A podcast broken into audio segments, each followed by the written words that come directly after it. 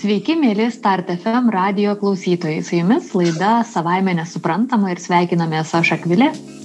Ir aš Akvilė, sveiki. Savaime nesuprantamose laidose kalbamės apie lytis ir litiškumą. Kitaip tariant, apie tai, ko nemokė mokykloje. Na, o tam, kad mūsų laidų srautas nepasimestų, pasiekite mus Facebook, Instagram ir YouTube ir mūsų įrašų be abejo galite klausytis YouTube, 15 min klausyk, Spotify, praktiškai visur. Kur tik norit. Einat gatvę ir girdit. Taip, šiandieną mūsų laidos tema yra pagalbinio apvaisinimo tema ir surogatystės tema. Tai m, mm, praeita laida buvo apie įsivaikinimą ir patėvystę. Apskritai tai darome dviejų laidų ciklą apie nebiologinę tėvystę ir įvairius aspektus susijusius su tėvais, vaikais, ryšiu tarp tėvų ir vaikų, kurie nėra susijęti, kurie nebūtinai yra susijęti biologiniu saitu. Tai Akvilė, galbūt e, tu padėk mums suprasti aiškiau, kas iš viso yra tas pagalbinis apvaisinimas ir donorystė. Uh du momentai. Tai pirmiausia, yra, tiesiog noriu tokį padaryti atskirimą, ar ne? Tai viena vertus šios temos, abi dvi yra panašios, kita vertus jos šiek tiek skiriasi. Tai abi jos yra apie nebiologinę tėvystę, tačiau, na, taip ir literatūroje ir, man atrodo, mūsų galvose tas toksai skirtumas, kuris yra randamas ir kuris yra, tai kad įsivaikinimas tai yra tas būdas, kai, mm, na, realiai ne patys tėvai pasirenka uh, savo atžalą ar ne, o, pasi, o jinai yra parenkama tam tikrų specialistų. Tai apie tai mes kalbėjome nemažai praeitoje laidoje. O būtent uh, pagalbinio apvaisinimo būdu, m, lytinių lastelių donorystės būdu arba surogatystės būdu tėvai patys viską pasirenka. Tai čia yra tas toksai pasirinkimo klausimas, ar ne, arba yra parenkamas vaikas arba tėvai pasirenka patys. Na, o dar viena tokia džiugi žinia, kad e, mūsų dviejų žmonių kūrybinę komandą papildė dar vienas žmogus, tai yra Emilija, kuri yra medicinos studentė ir jinai mums padeda mm, susigaudyti medicininėse dalykuose ir paruošti būtent medžiagą apie šitus dalykus. Tai dabar aš ir pristatysiu tą Emilijos rubrikėlę. Tai kalbant apie pagalbinę apvaisinimą, Tai reikia e, žinoti, kad yra keli būdai. Ne, tai mes apie tam kelis iš tų būdų jau uh, kalbėjome būtent jau techniškai, ne tuos būdus šiek tiek aptarėme uh, kitoje mūsų laidoje, jeigu neklistu, tai buvo, neatsimenu, kurioje laidoje. Gal atsimeni? Taip, taip, taip, taip.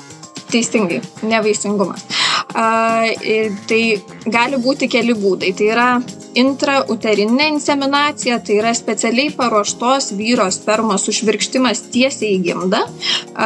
Apvaisinimas mėgintuvėlyje, tai yra kai moters kiaušialastė ir vyro sperma yra sujungiamos ne moters kūne, o mėgintuvėlyje.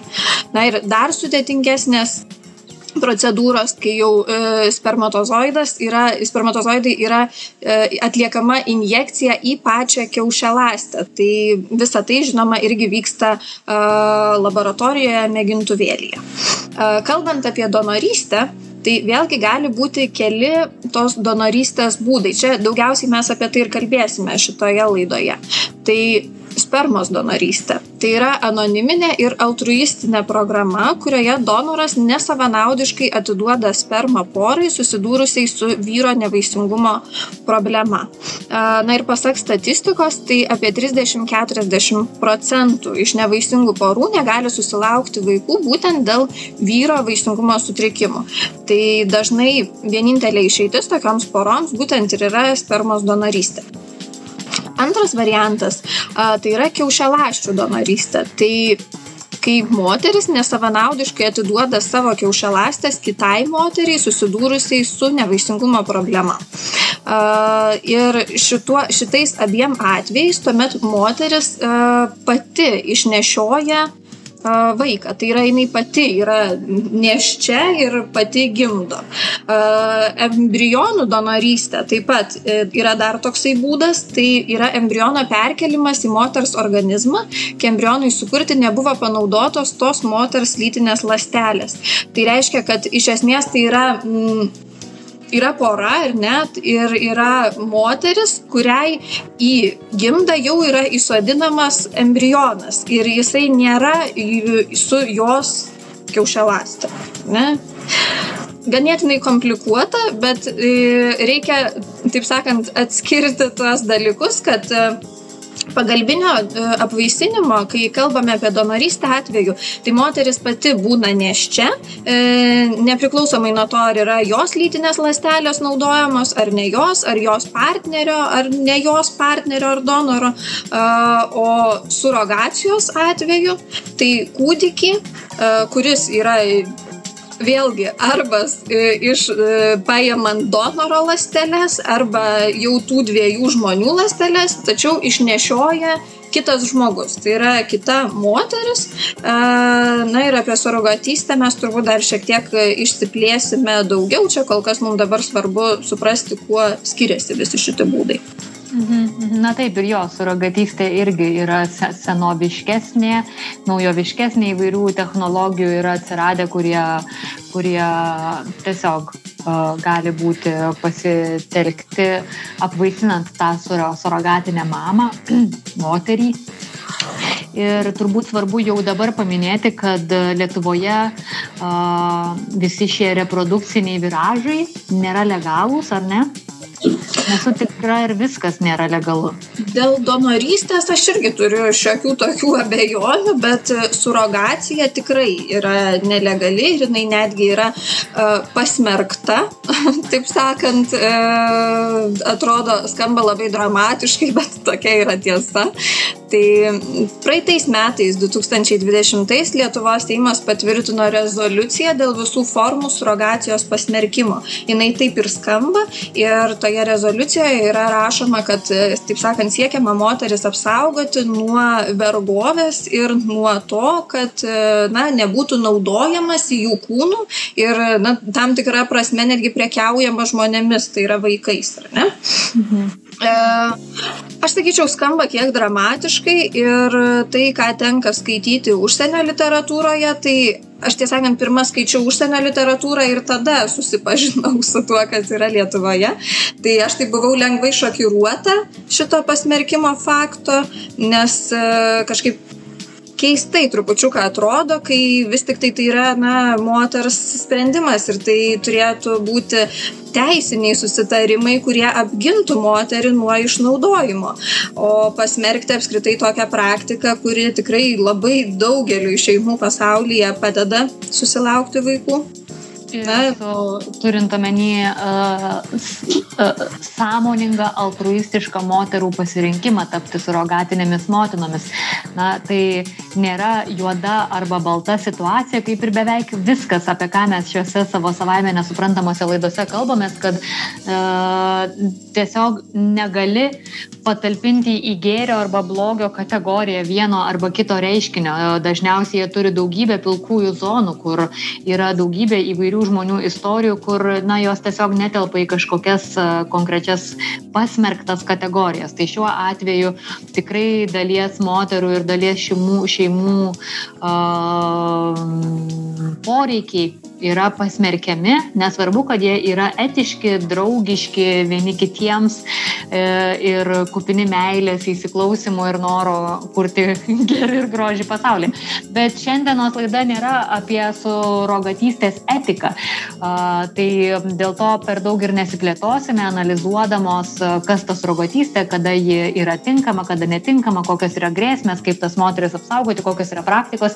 Tik svarbu paminėti, kad na, tai, apie ką šiandien kalbame, šie visi donorystės pagalbinio apvaisinimo būdai nėra būtinai Lietuvoje įteisinti ir galimi. Tai nereiškia, kad kitais metais jie netaps įteisinti. Reprodukcinių teisų teisė apskritai yra toks nuolat kintantis dalykas. Ir net jeigu Lietuvoje šios praktikos nėra legalios ir įgyvendinamos, tai nereiškia, kad Lietuvoje augančios, uh, besiporuojančios šeimos uh, nedaro to vadinamojo medicininio turizmo į kitas šalis tam, kad pasinaudotų šiomis paslaugomis. Tai nors Lietuvoje tai nėra teisinės bazės konteksto tema, visapusiška tema, vis dėlto Lietuvo šeimos su tuo susiduria ir susiduria ganėtinai plačiai.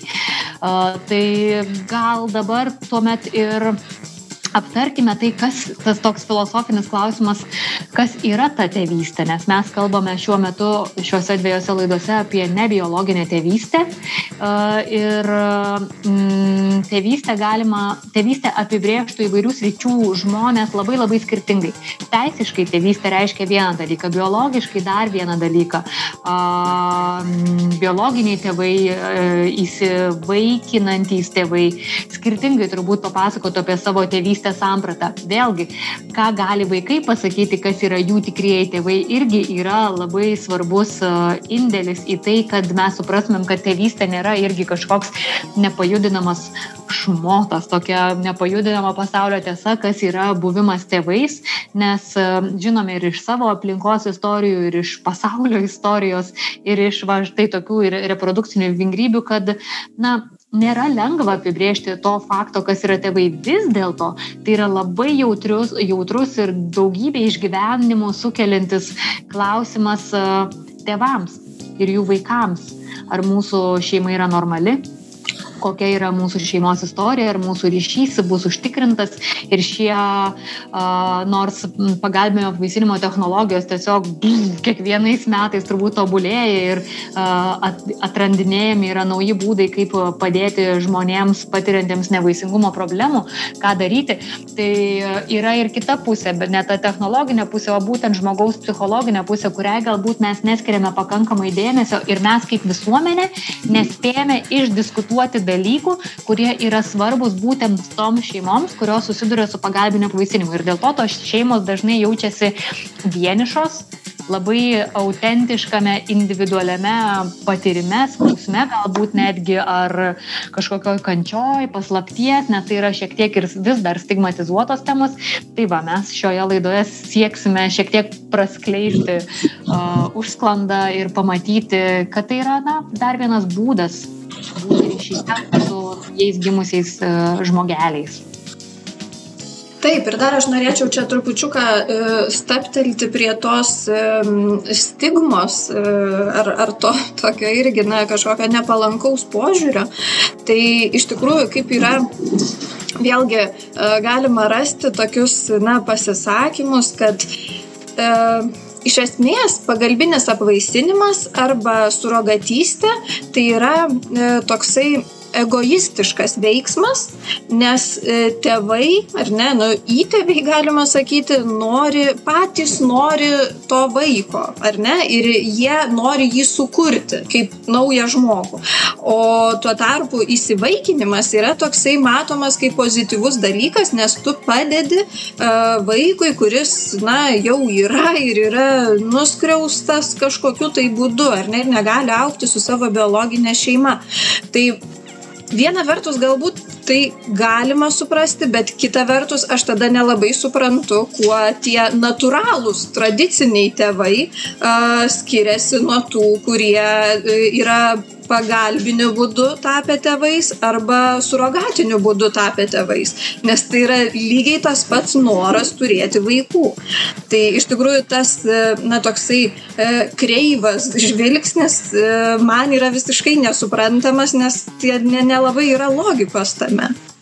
Ir tuo pačiu yra labai įdomu kad kai imame tarkim pagalbinio apvaisinimo temą tuomet mes e, suprantame tai kaip stigmatizuotą temą palyginus su pavyzdžiui įsivaikinimu.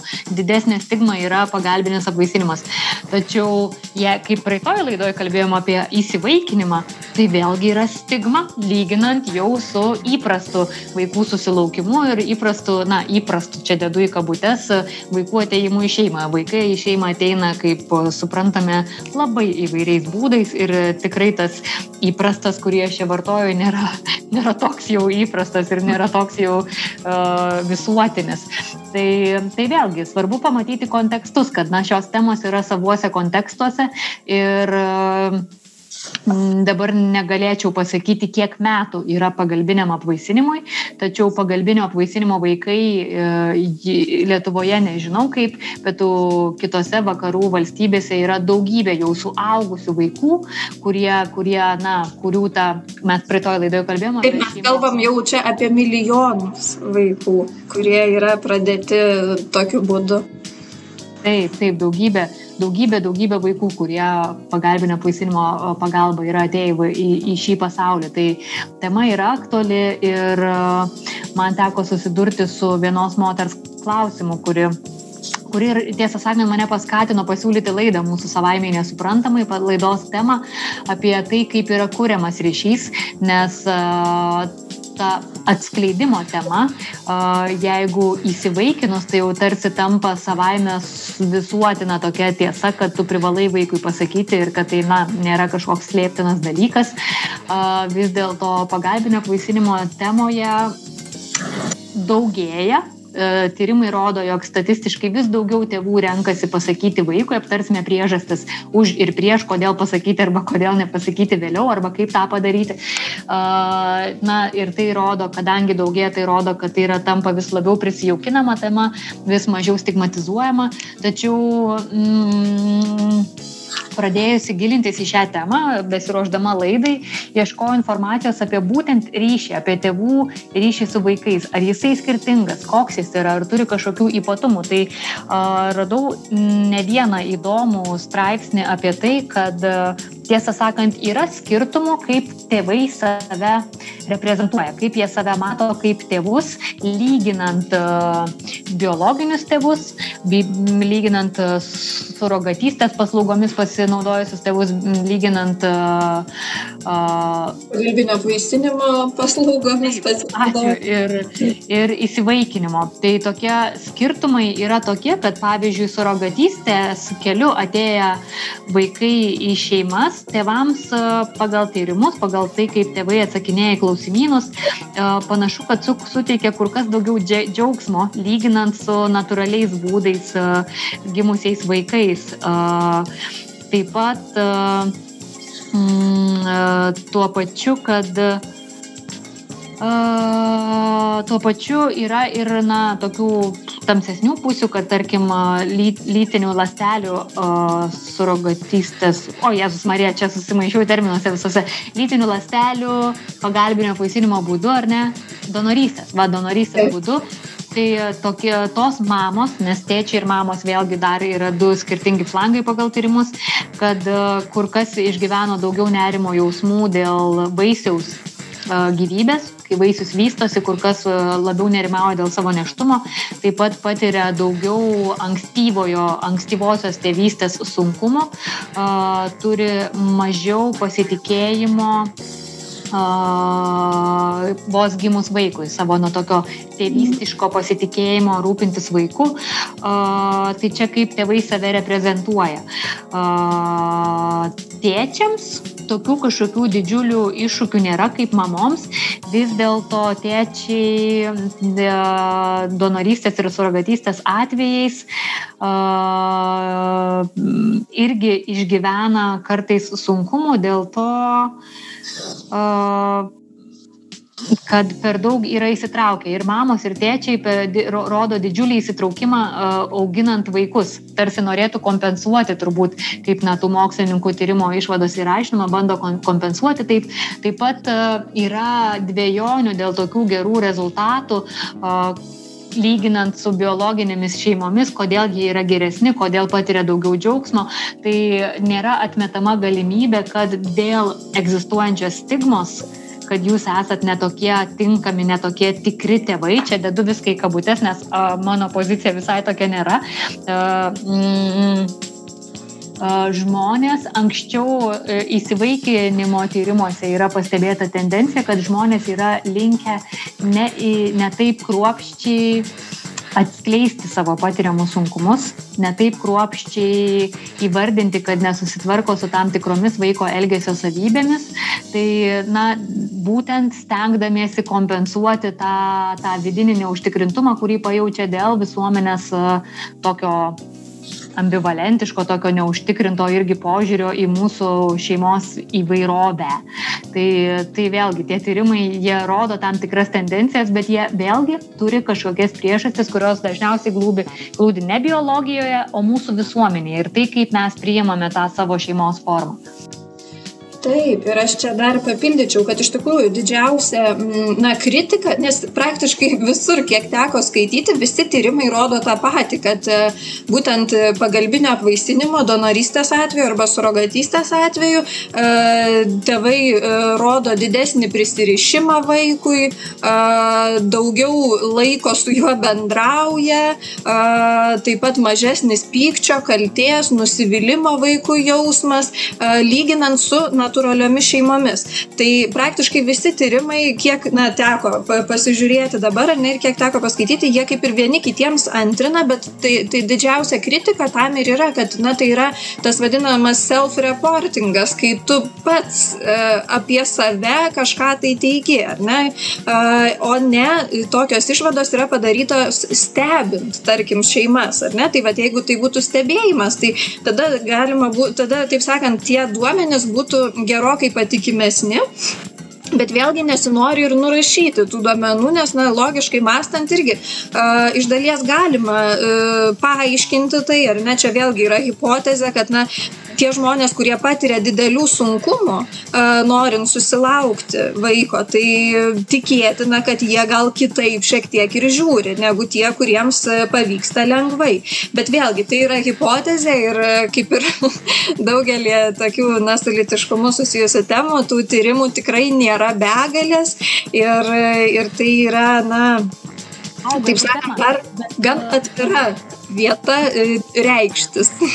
Jo, ir aš galbūt norėčiau tiesiog dar papasakoti, na, kaip, kokios grupės žmonių yra tuose tyrimuose, nes tarkim, pavyzdžiui, lytinių lastelių, donorystės būdu, surogatystės būdu, na, yra būtent tie žmonės, kurie tai patyrė, na, o biologinės tėvystės žmonės yra tiesiog aibė žmonių, kurie norėjo neštumo, nenorėjo, kurie tyčia, kurie netyčia, kurie labai stengiasi, kurie tiesiog turi dar entąjį vaiką ir nežino, ką su juo daryti. Na, tie žmonės tiesiog uh, nebūtinai sąmoningai, nebūtinai kruopščiai rinkosi ir planavo savo, savo šeimos kiekį. Uh, tiesiog, gal taip nežinau, ar ta frazė yra tinkama, tiesiog mėgavosi savo gali, reprodukcinėmis galimybėmis. Uh, nes tikrai yra nemažai neštumų, kurie nėra apgalvoti ir dėl to gali būti, kad tie žmonės tiesiog mm, viena priima tai kaip savaime suprantamą dalyką nebūtinai tiek vertina galimybę turėti savo vaikų kaip žmonės, kurie ir finansiškai labai stipriai turėjo turbūt ne tai, kad nukentėti, bet įdėti didžiulį indėlį ir laiko prasme, ir nerimo, ir mm, nesėkmių, bandant susilaukti savo vaiko, tai vėlgi tai nėra toks turbūt labai lygiai vertiškos grupės, nes turbūt būtų tuomet teisinga teisinga lyginti grupės e, e, donorystės, rogatystės tėvų grupės su labai labai labai vaikų norėjusiais e, tėvų ar ne grupėmis. Tai, tai va, tai tokie dalykai jie nėra vienareikšmiški. Taip, ir dar vienas toksai iš tų tyrimų įdomus aspektas, tai toks klausimas, ar buvo aptikta skirtumų tarp tėvystės jausmo ir tėvų bei vaikų psichologinio gerbuvio, kai moteris laukėsi ir gimdė pačios, tai yra donorystės atveju, arba tradiciniu ar ne tuo natūraliu būdu, ir kai neštumo ir gimdymo nepatyrė, tai yra surogatystės atveju, ar ne? Tai iš tikrųjų skirtumų aptikta nebuvo. E, tai, taip sakant, ir tos mamos, kurios pačios pagimdė vaiką, ir tos, kurios e, vaiką, e, vaiko, taip sakant, kurioms vaiką išnešiojo kita moteris, e, tai iš esmės jos vienodai jautėsi mamos ir e, iš tikrųjų tai įtakos nei patiems tėvams psichologiškai, nei vaikui kažkaip tai neturėjo. Tai iš tikrųjų, na, tokia ganėtinai pozityvi ir džiuginanti išvada. Jo. Tik dabar grįžtant prie tos psichologijos, per menko dėmesio psichologiniam savo virsmui tėvais norėtųsi akcentuoti tą dalyką, kad svarbu apmastyti kokią man reikšmę turės, netgi yra labai rekomenduojama tėvams kreiptis į uh, terapeutų, te, terapeutų paslaugų, kažkaip pereiti per tą procesą, nes, na, turint omeny, kad visuomenėje mes tiesiog savaime suprantamų laikome tik biologinį neštumą ir netgi Cezario pjūvis juk yra toks uh, nu, jo, ten kažkam atsitinka, bet šiaip tai yra gimdymas tik vieno būdo. Tai mes kalbame apskritai apie ir gimdymų, ir neštumų, ir susilaukimo aplinkybių įvairovę. Bandome atskleisti tai, kad žmonių patirtis nėra kažkokios vėlgi juodos ir baltos. Tai labai svarbu leisti savo reflektuoti, leisti savo jausti įvairius jausmus ir yra dažnai bijoma, jog tarsi mano motinystė ar mano tėvystė nėra tokia tikra, kaip biologinė, tačiau būtent ką tu ir minėjai ir mes įsivaikinimo laidoje kalbėjome apie tai, kad nors keliai yra labai įvairūs, turėti vaikų, tačiau ir tie ryšys ir meilė gali būti labai skirtingi, kaip tėvai apibūdina skirtingai į šeimą atėjusių vaikų meilę, kurią jie jaučia. Tačiau tai nereiškia, kad jinai būtų kažkuo menkesnė ar mažesnė. Netgi labai galbūt geras toks kontekstas yra suprasti šią, šią mintį, kad netgi tos šeimos, kurių vaikai visi yra biologiniu keliu natūraliai atėję į šeimą, visgi ryšys yra su kiekvienu vaiku skirtingas. E, gali būti vaikas gimęs po kažkokios labai sudėtingos e, situacijos šeimoje ar sudėtingos lygos, tuomet tas vaikas vėlgi gali gauti simbolį kažkokį gyvybės ir būti nors ir ketvirtas vaikas, tačiau labiau, labiausiai atrodo uh, juntamas stiprus ryšys su juo. Tai, na, žodžiu, ir biologinėse šeimose yra tas ryšys labai įvairus. Tai mums nereikėtų baidytis ir ne, nereikėtų bijoti to skirtingo ryšio uh, savokos. Svarbiausia tą ryšį kurti. Ir turbūt nekartą paminėsime šioje laidoje, kad ryšys yra kūriamas ne vien biologiniais keliais, ryšys yra kūriamas per a, veiklas kartu, per pokalbius, per a, a, tokį sąmoningą norą suprasti kitą žmogų, pažinti, atsiverti, išgirsti, per lietimąsi. Tai yra labai svarbus, na, kaip mes, pavyzdžiui, mylimieji, kuriame ryšį vieni su kitais ne tik kalbėdamėsi, ne tik e, žaibo trenkti ir patyrę jausmus, bet ir per prisilietimus, per tą tokį atsiverimą, per buvimą pažeidžiamais vieniems su kitais. Tai, tai tėvystė yra procesas, tai nėra kažkas, kas ištinka tave vieną dieną. Tėvystė yra procesas ir kartais nepasiseka būti tėvais, bet žiūrėk, po 20 metų o, turėjimo vaikų supranti, kad nori būti labiau tėvais, negu kad pavyko būti ir, ir darai procesus iš naujo. Tai yra toks labai ilgas dalykas. Taip, negalėčiau sutikti labiau. Dar galbūt toksai paskutinis pastebėjimas prie mm, šit, ši, šitų tyrimų, ar ne, būtent aptarimo, tai e, vėlgi longitudinis tyrimas, tai yra, kuris tęsiasi ne vienus metus, e, rodė tokius rezultatus, kad surogatystės atveju, kai vaikams buvo du metai, buvo stebimas mažesnis tėvystės streso lygis, lyginant su visais kitais šeimų tipais. E, tai yra na, to streso būti tėvais, ar ne? E, bet ties trečiais vaiko metais gyvenimo tas skirtumas pranyko. Tai reiškia, kad jau visi maždaug tiek pat to streso patyrė. Tai aš nežinau, ar čia, taip sakant, maži vaikai mažos problemos, ar, ar tiesiog visiems gal tas stresas sumažėja ties trečiais gyvenimo metais, bet iš esmės atidomu tai, kad ties trečiais metais jau, taip sakant, ir tie surogatiniai tėvai, kurie tarsi buvo e, taip labiau atsipūtę, ar ne, jau susilygina visiškai su visais kitais e, būdais e, tapusiais tėvais.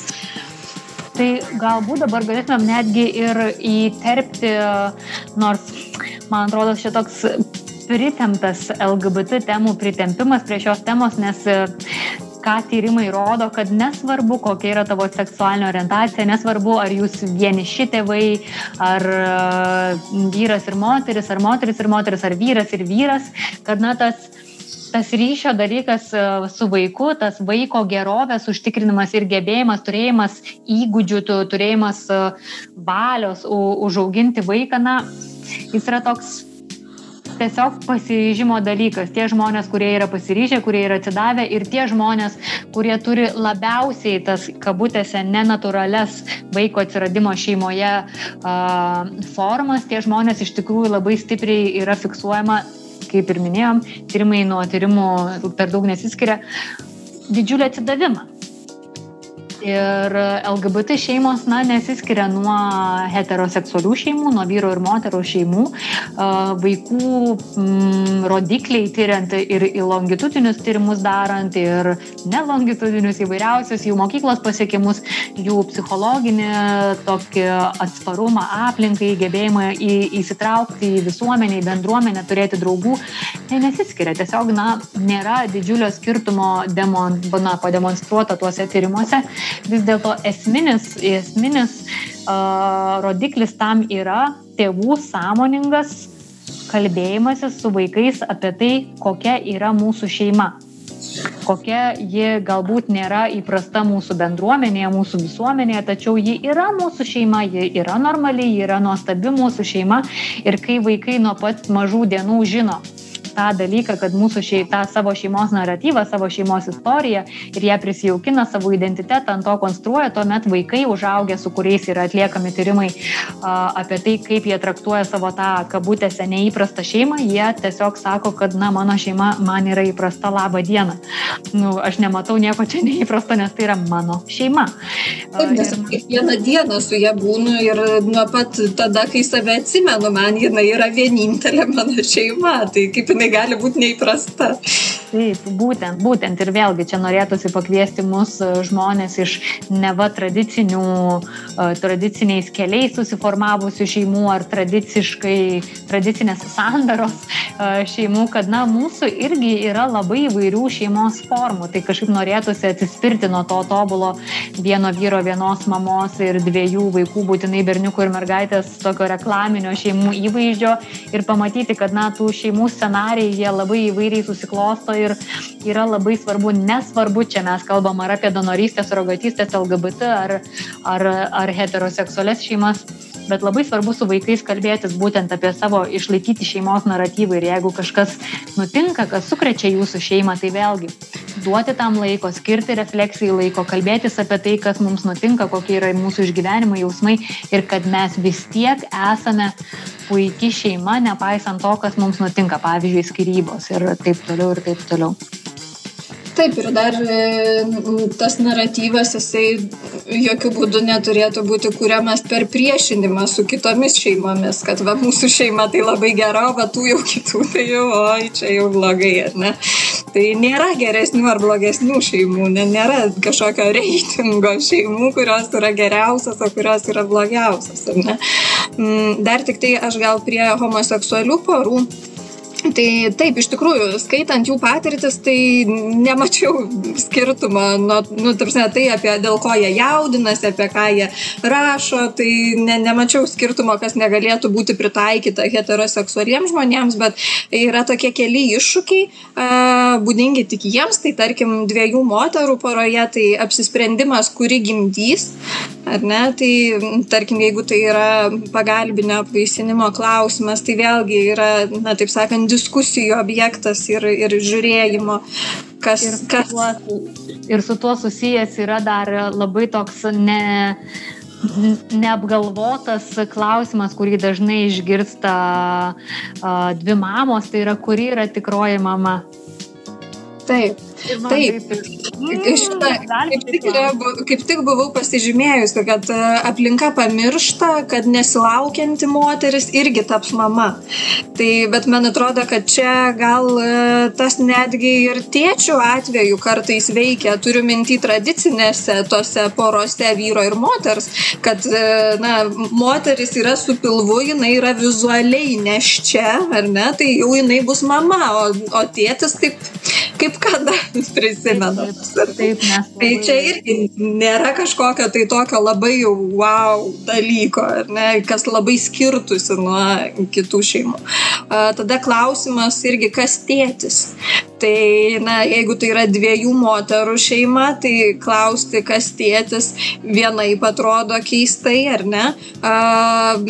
O dviejų vyrų šeimoje klausti, kas tėtis, na, tai čia vėlgi, ar ne, kadangi nei vienas vizualiai nebuvo nieščias, tai irgi, na, iš tikrųjų, nu koks skirtumas, kuris yra tėtis, ar ne? Abu.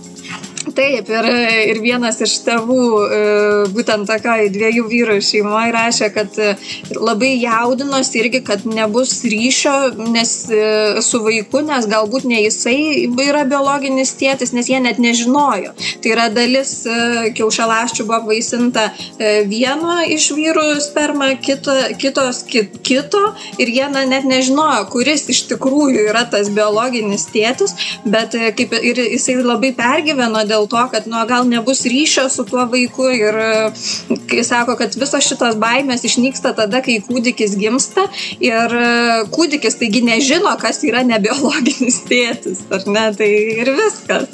Tai tiesiog tai paprasta ir tam kūdikiui nu, tikrai nėra skirtumo, kuris yra biologinis ar nebiologinis tėtis. Tai nėra pirmas klausimas, kuris kyla vaikui gimus. Tai tiesiog, na, to, tokie paprasti dalykai, na ir žinoma, ta baime, kuri būdinga absoliučiai visiems, e, tai ar bus ryšys su, su tuo vaiku. Taip, bet kaip ir minėjau, tai praktiškai visi rašo, kad nu, tai ta baime būna labai stipri iki gimstant vaikui, o gimus jau kažkaip jinai savaime dinksta, nes tu nebeturi laiko jau bijot kažko, tu tiesiog džiaugiesi ir nori rūpintis tuo kūdikiu. Tai va.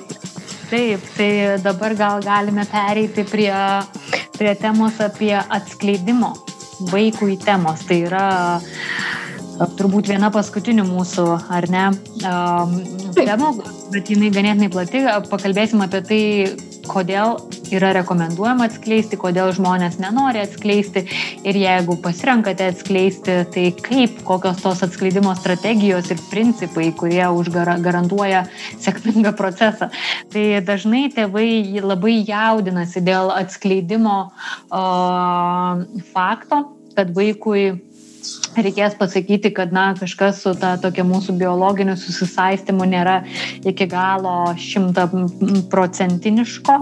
Tai tėvų pagrindinės baimės, kurias man pavyko rasti, tai yra skirstamos taip, jog yra nerimaujama dėl to, jog vaikai gali būti socialiai stigmatizuojami kažkaip, kad būtų iš jų šaipomas arba jie būtų atstumti kaip kažkokie mažiau tinkami vaikai. Tai čia čia yra tiesiog tėvų kiekvienos dienos turbūt duona pastoviai bijoti dėl visko, kaip visuomenė elgsis su jų vaikais, ką jų vaikams teks patirti. Kitas momentas labai bijo dėl vaiko reakcijos paplėtosim apie tai vėliau, kad bioreakcijos žinoma, kad abejos savo mamiškumu, tėtiškumu, galvos, jog na, tas tikrasis tėtis ar tikroji mama yra kitas žmogus, tas trečias žmogus, kaip yra angliškai vadinama third parent, trečiasis tėvas, tai trečioji mama. Taip pat yra nerimaujama, jog tai tik sukels vaikui abejonių ir sumišimo, sumaišties nevilties, dėl savivokos, dėl savo identiteto supratimo. Taip pat kai kurios šeimos tiesiog įvardė, jog jos vertina savo suvokimą, kas yra jų šeima ir tuo pačiu tuomet nuvertina surogatystės ar donorystės indėlį. Tarsi, na, kažkaip mm, ne tai, kad nuvertina, bet sumažina, visiškai palieka tą mažai reikšmės, tarsi tai nelabai turi reikšmės jų šeimai ir jų šeimos tam susiformavimui, pagausėjimui, atsiradimui. Na ir nežinau, ar čia didžiausias, bet jis paskutinis yra būtent tas ta baimė, tas nerimas, ta, ta, tas jausmas, kuri, kuris dažnai yra lydimas ir, ir kalties, gėdos, liūdėsio, jausmo, jog toks būdas susilaukti vaikų, jis yra mažiau tinkamas, mažiau vertingas negu tas tradicinis biologinis būdas. Tai taip ir galime pagalvoti tada su kuo tai yra susiję ar ne? Vat šitas būtent paskutinis dalykas tai vėlgi su tuo kaip visuomenė žiūri į tokį reiškinį ir tokie dalykai kaip tarkim tam tikrų praktikų pasmerkimas viešai priemant rezoliuciją na tikrai nedaro taip sakant geresnio to vat psichologinio pojūčio tiems žmonėms kurie tokiu būdu susilaukia vaikų tai vėlgi čia tiesiog apie empatiją turbūt ir supratimą kit, kit, kitokių, kitokių būdų susilaukti vaikų, negu galbūt jums ar jūsų kaimynui atsitiko. Mhm, mhm. Taip, tai būtent, būtent. Ir greičiausiai, negreičiausiai, dažniausiai tos šeimos jau yra nuėjusios ne, netrumpą kelią, suvokusios savo nevaisingumo, ne, ne tai, kad problemą, bet išgyvenimą. Tai yra toks didžiulis didžiulis išgyvenimas, kaip mes nevaisingumo laidoje ir kalbėjome, jog tai yra kažkas, kas palieka įspaudą visam tavo likusiam gyvenimui. Ir nesvarbu, ar tu susilauki biologiškai vaikų ar nebiologiškai, vis tik tai, tai yra tarsi diagnozė, kuri tave lydi. Kažkaip stipriai įsirežiai tavo tapatybės stuburą, ar ne? Tai turint omeny visus šios nerimus, kurie tikrai suprantami, nes tai nėra izoliuoti kažkokie nerimai, jie dar veikia kontekste su daugybė kitų tavo gyvenimo realijų, santykių su partneriu ar partnerė, šeimos nariais, bendruomenė, kurioje tu esi, kitais vaikais, jeigu tu jų turi, na ir taip toliau, ir taip toliau. Galbūt dar vaiko sveikatos problemomis ar savo sveikatos problemomis tačiau kas yra rekomenduojama, tai pamastyti, jeigu net ir renkatės nesakyti vaikui, kokia yra tikroji vaiko kilmė, tas kelias, kaip atėjo į šį pasaulį, tai pamastyti, kas bus jeigu vaikas vis tik sužinos, nes paslaptys turi tendenciją išaiškėti ir ypatingai kas bus, jeigu vaikas sužinos šiais laikais, kai reprodukciniai įstatymai keičiasi, kai žmonės vis dažniau susiduria su savo genetiniais tyrinėjimais, bandymais surasti savo šaknis, lyginimais su šeima, kažkokių lygų istorija, kur vėlgi, jeigu susiduri su kažkokiais veikatos sunkumais, tu privalai turėti turėti labai tikslę informaciją apie tai, kokiomis lygomis yra tavo šeimoje sirgta. Tai, tai va, ir tie, tai kas anksčiau buvo na, labai kažkur toli, tai įvairių, įvairūs DNR tyrimai dabar jau nebėra kažkas tai labai tolimo ir nepasiekiamo. Tai iš tikrųjų verta apie tai pagalvoti ir man atrodo, kuo toliau, tuo labiau visa tai bus pasiekiama kiekvienam žmogui ir tokiu būdu e, ta paslaptis jinai gali labai netikėtai išaiškėti tada, kada žmogus jau yra suaugęs. O apie, apie to pasiekmes mes jau ir praeitoje laidoje kalbėjome. Na taip, nes žmonėms sužinoti apie savo kažkokį nuo jų nuslėptą tiesą, kad tai visi žinojo išskyrus mane, arba tai ar čia jums priklauso šitą informaciją ar man, tiesiog sukuria didžiulį šoko patirtį, traumati, traumuojančią patirtį ir vėlgi pastato ant klaustuko abejonės, na, sukuria abejonę tikėjimu tuo, kas buvo iki tol - meilė, rūpeščių, atvirumu, nuoširdumu. Tai Tai renkantis kalbėti su vaikais apie šią temą yra akcentuojama, jog tai nėra vieno pokalbio reikalas, tai yra procesas. Ir tikslas yra kaip ir su įsivaikintais vaikais mm, viską padaryti taip, kad vaikas niekada nežinotų, kad kažkada nežinojo. Kuo anksčiau tai reiškia, kad kuo anksčiau pradedi, tuo lengviau yra kurti tą savo istoriją kartu, o tą savo šeimos naratyvą kartu ir am, vaikui, vaikams vis augant, vis kylant daugiau klausimų priderinti tuos atsakymus prie vaiko raidos ir gebėjimo suprasti dalykus. Ir netgi radau nemažai websaitų, kur yra uh, parenkama, pasiūloma kalba, kaip, kaip vaikams ką pristatyti tada, kai jie yra visai mažiukai, kai yra didesni, dar didesni. Gražu taip ir ką rodo tyrimai tai kad e, iš tikrųjų tie žmonės kurie įsivaikina kurie surogatiniu būdu e, susilaukia vaiko arba homoseksualios poros jie yra labiausiai linkę atskleisti e, vaikui tikrąją jo kilmę. Tai man atrodo čia priežastis yra vienai iš viena iš priežasčių yra tas grynai paprastumas paaiškinti, ar ne? E, viena yra paaiškinti įsivaikinimą, ar ne, ar surogatystę, kai akivaizdu, kad e, na, tarkim, arba dviejų e, tos pačios lyties žmonių poroje, kai akivaizdu, kad jie negali patys susilaukti vaiko natūraliu būdu, ar ne, o kas kita yra paaiškinti uh, būtent tuos procesus uh, pagalbinio apvaisinimo, kurie, na, ir mums nėra savaime suprantami ir iš tikrųjų tai, na, yra sudėtingi medicininiai procesai. Tai va, Štai atėjo dar daugiau papildomų dalyvių į laidą. Labas, Katinė. Taip, tai tie dabar galbūt ir, mm, na, atsispiriant nuo tų baimių, kurios tikrai yra suprantamos baimės ir jas svarbu priimti ir jas pripažinti tas savo baimės, nes tik nuo jų atsispirdami mes galime kažkaip eiti į tą atvirumo procesą. Tai šeimos, kurios renkasi pasakyti, o tokių šeimų vis daugėja ir na, žmonės šioje srityje dirbantis rekomenduoja atskleisti, tai, tai aiškina tai, kad jie tiesiog stato savo santyki su vaikais, savo šeimos santyki ant ant nuoširdumo, ant atvirumo, ant mm, to, tos prieigos, kad tai yra vaiko teisė žinoti apie tai, kas, kas yra vaiko, ta tokia vaiko biologinė ar ne informacija. Ir taip pat yra labai svarbu suprasti, kai yra na, tie tos visos baimės ir tas visas nerimas apie tai, kaip vaikas reaguos, ką, kaip visuomenė jį reaguos, kas bus, kas bus, kas bus, kad dažnai pasikapšys truputėlį giliau, ką mes rastume, tai savo nerimą kurį projektuojame ant vaiko, ne tikras grėsmės, kas bus su vaiku, nes, na, vaikams mes ir esame tėčiai ir mamos, mes esame tie jų pagrindiniai, pagrindiniai žmonės labai labai daugybę metų iš eilės ir visą gyvenimą iš tikrųjų. Ir tas ryšys, nesvarbu, ar jūs biologiškai susisaistė ar ne, jisai gali būti visiškai minus 50 uh, arba plus 150. Tai priklauso nuo to, kaip jūs atsiduodate ryšio kūrimui. Tai yra daugybė mažyčių kasdienių praktikų.